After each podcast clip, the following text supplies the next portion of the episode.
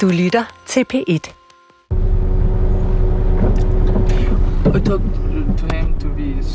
Det er tidlig morgen i Kabul. Jawad, en lokal journalist, henter os. Og igen sidder vi på bagsædet af en Corolla på vej. Vi er på vej til Mardan Shah. En halv time uden for Kabul. Ja, en lille time uden for Kabul. Vi er i starten af juli. Om lidt over en måned vil den by, der så småt er ved at vågne uden for bilens ruder, være forvandlet. Og byens borgere vil stå op til en helt anden virkelighed, end de gør den her lørdag, 3. juli 2021. Vi er på vej ud til det sted, hvor Taliban på det her tidspunkt stod nærmest hovedstaden. Byen Maidan Shah i Wardak-provinsen, hvis borgere i lang tid har været helt tæt på krig. Men nu har de så i de seneste uger og måneder reelt taget kontrollen med de områder, områder der ligger lige op til, øh, til Maidan Shah, som er hovedbyen i Wardak-distriktet. Så vi vil gerne ud og, øh, og prøve at finde ud af, hvordan er det så at leve under dem. Ja, se, altså, hvor tæt de står på, på hovedstaden. Vi sætter kurs mod Kabul Rasni Highway, der skal føre os ud til Maidan Shah. Passerer det sidste checkpoint ud af byen. Afghanistans vilde landskab tårner sig igen op af støvet for øjnene af os. Vi smalltalker i bilen. Det er hyggeligt. Og jeg sætter optageren på pause og slår mig hen. Foran os venter en tur, der skal vise sig at blive en hel del anderledes, end hvad vi har regnet med, den skulle blive.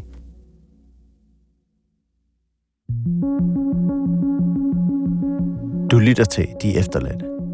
En serie om det Afghanistan, Vesten forlader efter 20 års krig.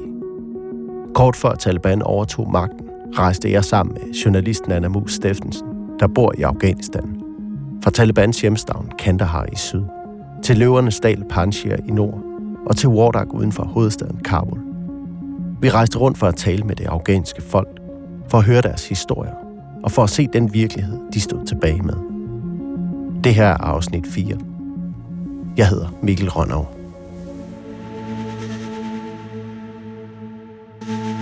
Vi bumler afsted med kurs mod Majdan Shah. Flere steder har asfalten sprunget i stykker af vejsidebomber. Men trafikken af menneskefyldte biler og rusende lastvogne møver sig afsted i et frisk tempo. Uden at vi har lagt mærke til det, kører en konvoj fra det afghanske politi pludselig bag os. Noget, man ikke har lyst til at være tæt på, da de er et oplagt terrormål. De næste sekunder og minutter har jeg ikke på bånd. Men det, der sker, står lysende klart. Et stort hul i landskabet kommer til syne på vores højre side. Jeg spørger i bilen, hvad det må er. Men før nogen når at svare, rejser en gruppe langhårede mænd med turbaner og kalasnikovs i hænderne sig fra hullet. Det er Taliban, er der en, der siger. Deres våben peger i vores retning, og de løsner de første skud. Og smældende geværsalver følger. Vi er fanget i krydsild mellem det afghanske politi og Taliban. Vores chauffør bremser hårdt. Det lyder som om bilen bliver ramt. Tiden står helt stille. Og går så i gang igen, da jeg får Nannas hånd i ryggen, fordi vi skal dukke os.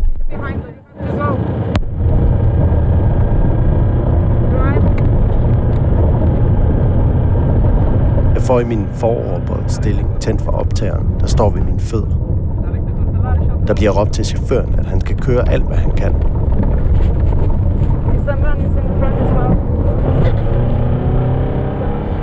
Og vi passerer tæt forbi en af talibanerne, der står klar med en panserværnsraket på vejen.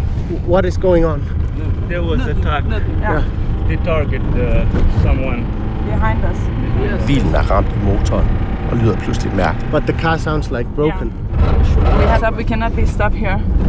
Og et par hundrede meter på den anden side af angrebet går vi i stå. Really? No, tell it. Tell it. Taskene motor, taskene. Okay, what, what Stay inside, stay inside. Stay inside.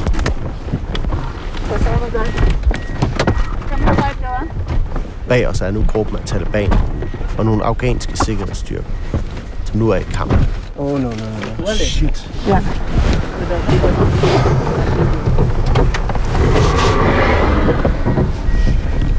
Er helt... Hvis der kommer nogen, så ikke sige noget. Nej, nej. Ikke sige noget til nogen. Heller ikke på engelsk. Det går hurtigt op for os, at bilen ikke kommer til at virke igen. The most important is to get away from this place. Even if we leave the car, we just have to go away from here. Rundt om os farer civile afghanere i deres ramponerede biler i høj fart forbi, for at komme væk fra krigen, der pludselig er brudt ud der midt i hverdagen på vejen. Can we stop one of these cars and get them to take us? Og det står klart for os, at vi må prøve at komme med i en af de forbipasserende biler. Vær øh, dækket ansigt lidt til. Yes. Der kommer, en, der kommer en bil der, kun med en i. Stop ham, stop ham, stop, Stop ham, stop ham. Og efter 10 minutter stopper Tassal, en ældre herre i en bulet hvid stationcar. Vi løber fra bil til bil, og få sekunder efter sidder vi i den ukendte mands røde velursæde. Let's go! og lyden af bilens brummende motor får pulsen til at sænke sig en smule.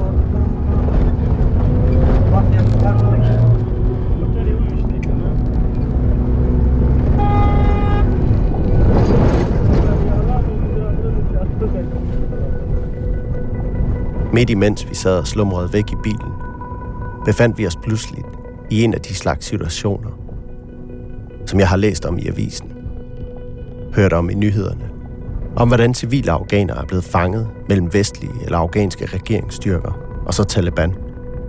For afghanerne er det, vi oplevede, bare en del af livet. En del af hverdagskosten på en lang liste af ubehageligheder, der kan ske, når du træder uden for en dør. Vi vender tilbage til turen mod Maidan Shah, Fatima, can you just start uh, to introduce yourself? Say your Fatima Faisi bor en kort biltur fra Nana i centrum af Kabul. Uh, my name is Fatima Faizi. I'm 26. Um, I am a journalist. Hun er 26 og journalist hos New York Times. Hun er født i Rasni, der ligger mellem Kabul og Kandahar, men er opvokset i Kabul. What are you busy writing about right now?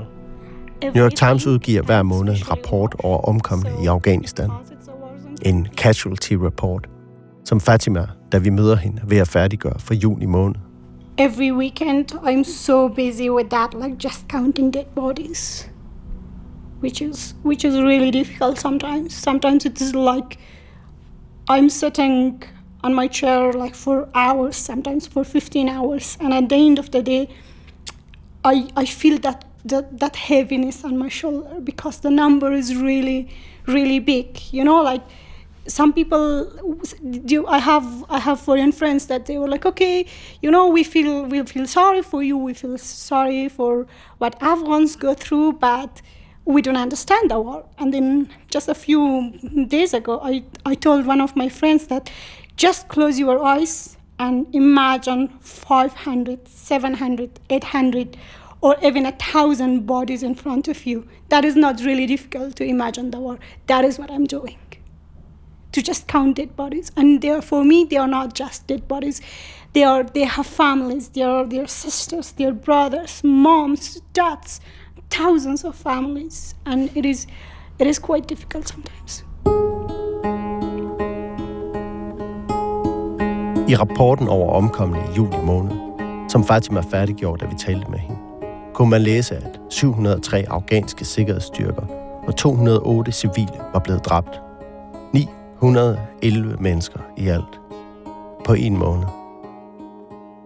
Being a journalist in Afghanistan is not like At være journalist i Afghanistan an easy job and it kan være et meget farligt job, really dangerous. især for afghanske journalister, som Fatima. How is your life being a journalist? I don't know if I can see these alive, you know? Like sometimes we, when you are alive, it doesn't mean that you live your life. Here we, we are alive, but I don't know if we, if we, we have a life because sometimes it is really difficult for me to get up in the morning, you know, because I don't have any purpose apart from getting up going to the office, report a few attacks, counting dead bodies. I have nothing else to do. And also, when it comes to my friends, most of them left the country. I don't have any friend anymore to hang out with because they left because of this wave of assassinations. Uh, and there is you, you see in Kabul there are just a few cafes, but if you go there, you don't feel safe. You know that you can get killed any moment. From uh, from my house to my office, I don't feel safe. Even if I see a car, even if I see see a motorbike, I don't know if I see a truck, everything reminds me of an attack, and that's how we, that's how I live my life, and that's how millions of Afghans live their lives.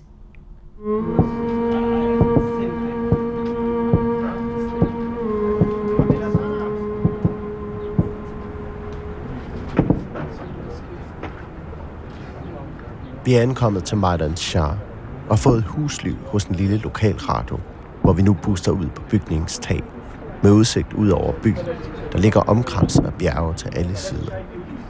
På vej hertil så vi afghanske sikkerhedsstyrker køre ud for at yde hjælp til den konvoj, der åbenbart kørte bag os, og som nu stadig ligger i højlydt kamp derude.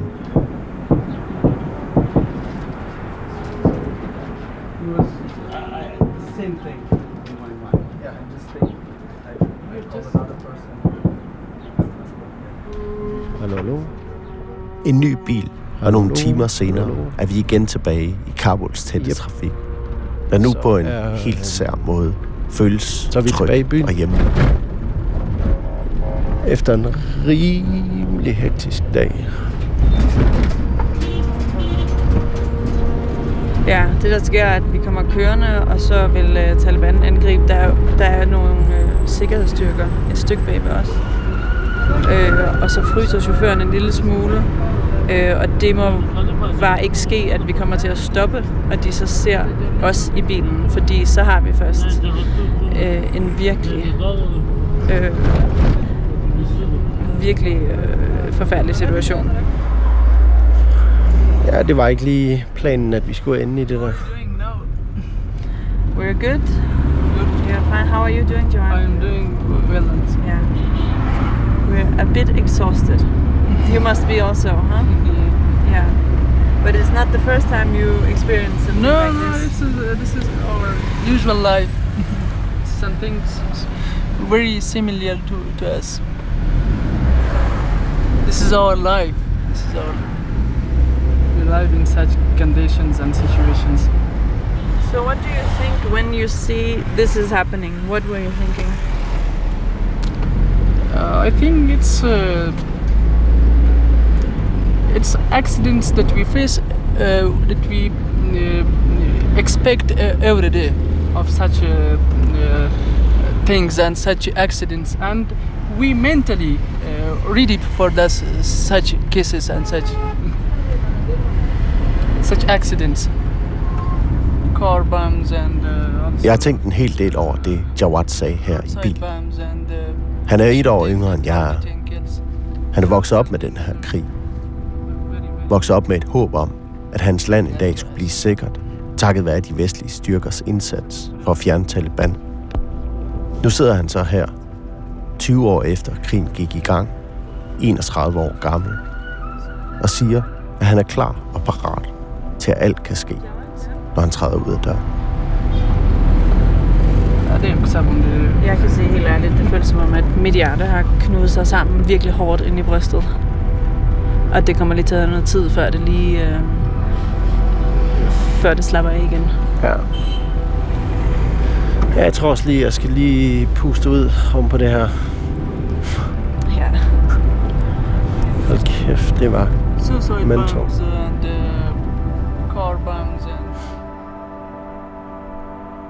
En morgen i 2017 gik Fatima Faisi med til en demonstration i centrum af Kabul. Den morgen gik hun håbefuldt ud af døren, mødtes med sine venner, og de blandede sig med mængden af demonstranter, der sammen bar et stort afghansk flag. It was June or July, I don't exactly remember. I think it was June. Uh, there was a big protest in Kabul. Um, the protest was organized by Enlightenment Movement. That some of the members are my uh, friends and were friends. So we were. It was a hot uh, summer day, and everybody was protesting, and everybody was talking about the problems that they face in Afghanistan. And then it was maybe it was around noon that all of the sudden I, I heard a really loud explosion that I have never, I had never experienced in my life. That was the first one. A few seconds later, the, the next, uh, third, a second one um, took place, and also when I don't know after how long I could, I could get up because um, I collapsed after the explosion. I don't know. Maybe it was the wave of the explosion that. Uh, I, I was on the ground. I don't know how I got up and also first thing first I noticed that I was bleeding. I checked my glasses because I wear glasses and also I wanted to make sure that my eyes are not hurt or not injured. So it was okay, but I was bleeding. There were like bodies everywhere. I was surrounded with bodies. And apart from me, nobody else was alive. I saw a young guy, and I don't know if he is alive or he's not. He was injured and he was trying to get up and get out of the scene. And I tried to help him, but there was a man, he just came and grabbed my hand, and he was like just um, trying to pull me out of the scene. And I don't know how I survived because I lost many friends and and it was it was the most the most horrible day in my life that it is it is difficult to forget you know? Like because all of you go somewhere and they're your friends and they have like just they are asking for some basic rights. And i think it's it's not something really big to ask for. And then in the morning everybody was so hopeful. Everybody was holding they were carrying a big afghan flag. And then in the afternoon we were busy collecting bodies collecting flashes from the street. My brain cannot connect these like dark dots. I, I cannot remember exactly what I, I did, how it happened, how I got out of that that scene, how I went home. The, the only thing that I remember is that I picked up my phone. My phone was already uh, almost dead, and then I could make one phone call, and that was my mom. I called her and I was like, I'm alive, don't worry about it. That's it.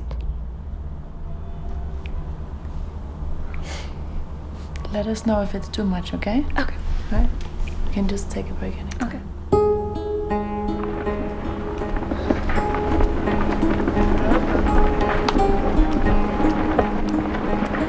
Et enormt afghansk flag vejer i den lune knastørre vind på toppen af Wasiar Bahan-bakken i Kabul. Men det er øh, byens udflugtsmål. Et af dem på vej op til.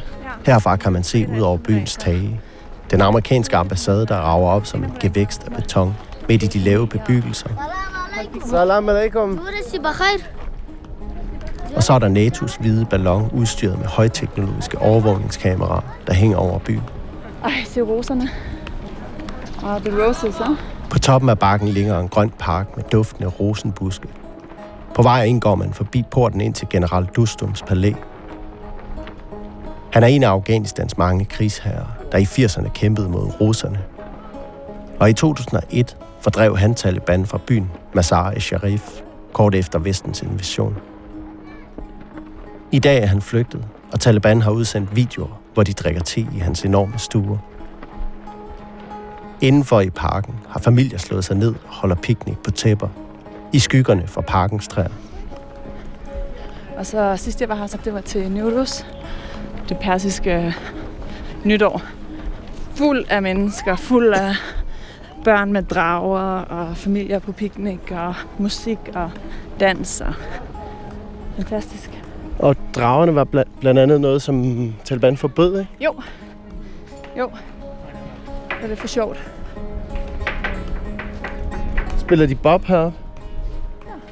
Nogle unge drenge spiller bob, mens mænd og kvinder tager selfies under det store afghanske flag. Og faktisk, hvis man har læst dragløberen, så der, hvor vi er på vej op nu, det er selv samme bakke, hvor hovedpersonen og hans ven Hassan, de sidder under et granatæbletræ og læser kongebogen. Det her persiske epos. Vi er taget herop med Mohammed, Nanas ven. Ham du hørte om i forrige program. Ham der spillede Ahmad Tahir for os. Men på den tid, I det fjerne kan man høre byens moskéer kalde til bøn. Men Mohammed har efter de mange terrorangreb begrænset sine besøg i moskeen. There is nothing wrote in Holy Quran or in Islam or in Hadith, you know, that we should do an explosion inside the, inside the mosque. Han er vred over, at Taliban har tvunget ham til ikke at komme. Moskeen er Allahs hus. Ingen har ret til at slå nogen ihjel der, siger han. Because we also say mosque is the house of God, the house of Allah. So nobody has right, you know, to do an explosion or to do, you know, like any assassination inside the mosque. But I don't know, you know, the Islam that I know and the Holy Quran that I read like several times, there is nothing, you know, like as the name of explosion or something. So we, I really, you know, hate their assassination, their explosion inside the mosque. So nobody, you know, safe in every part of the town. So how we should believe them? This is not humanity. Mohammed er født uden for Afghanistan. Men hans familie vendte tilbage efter vestens invasion. the foreign forces are leaving, the Taliban is attacking a lot. So I guess it's not really what you expected when you first return, right? Ah. because you know like when taliban moved i was very young but i didn't know a lot about you know taliban and like uh, political stuff like now. But then you know my dad decided you know that we have to go back to the country. Now you know there is no taliban everything is safe and secure. So we have to go and continue our life there. Then we just moved. But now you know if something happen or if the taliban come you know and then they start you know violences and you know attacking like before then you know we don't want to stay here because it will be like a jail you know there will be no life here. Do you have any siblings? En af Mohammeds brødre går på universitetet, og han har planer om at betale for sin søsters uddannelse, hvis alt går vel. because she wanna be a doctor you know? So this is her last year for the school. And if the situation will be good so maybe i can take her to a university you know to start and continue her studies but if the situation will be bad you know if the explosion will you know continue so maybe you know i can tell her that you have to be at home because we don't want to lose any member of our family for nothing Some So, so you're actually planning on yeah There was the Den 8. maj i år udløste islamisk stat en bombe ved en pigeskole i Kabul. Bomben dræbte who was 85 also- og sårede 150. Når you den slags sker, overvejer Mohammed hver gang, she should not om be han burde sige til sin søster, at hun må droppe sin uddannelse og blive hjemme. But you didn't tell her to stay at home. I I didn't tell her anything, but if the situation be like this, you know, maybe I can tell her to stay at home. Yeah. Yeah, because it's really hard to see, you know, your m- family member or your relatives, you know, piece of bodies in the in the you know in the yard or in the road or in front of a school. So it's very painful.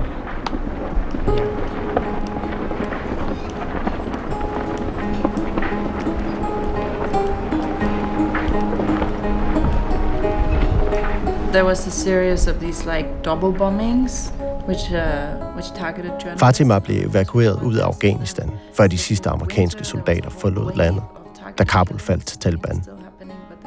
Men da vi talte med hende, lidt mere end en måned før, havde hun stadig et håb for Afghanistan, og håb for, at hun kunne fortsætte med at dække sit hjemland som journalist. I feel scared every day when I get out of my room. And in Afghanistan, you're not safe even in your room, even in, your house.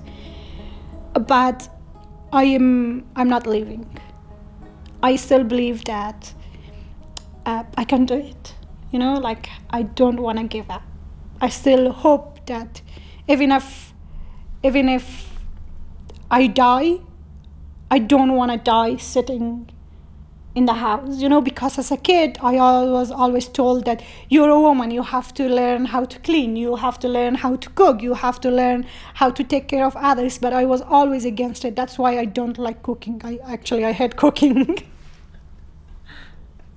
you know, because people were thinking it's my job, and I don't believe it's my job. Uh, so yeah, this is the only thing that I am really passionate about, and I love it, and I I'm not done with it yet.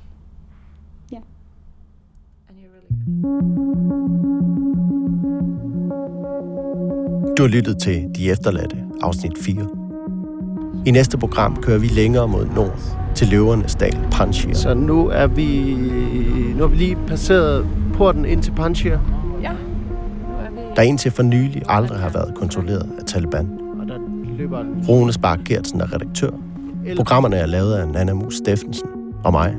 Jeg hedder Mikkel Rønnav.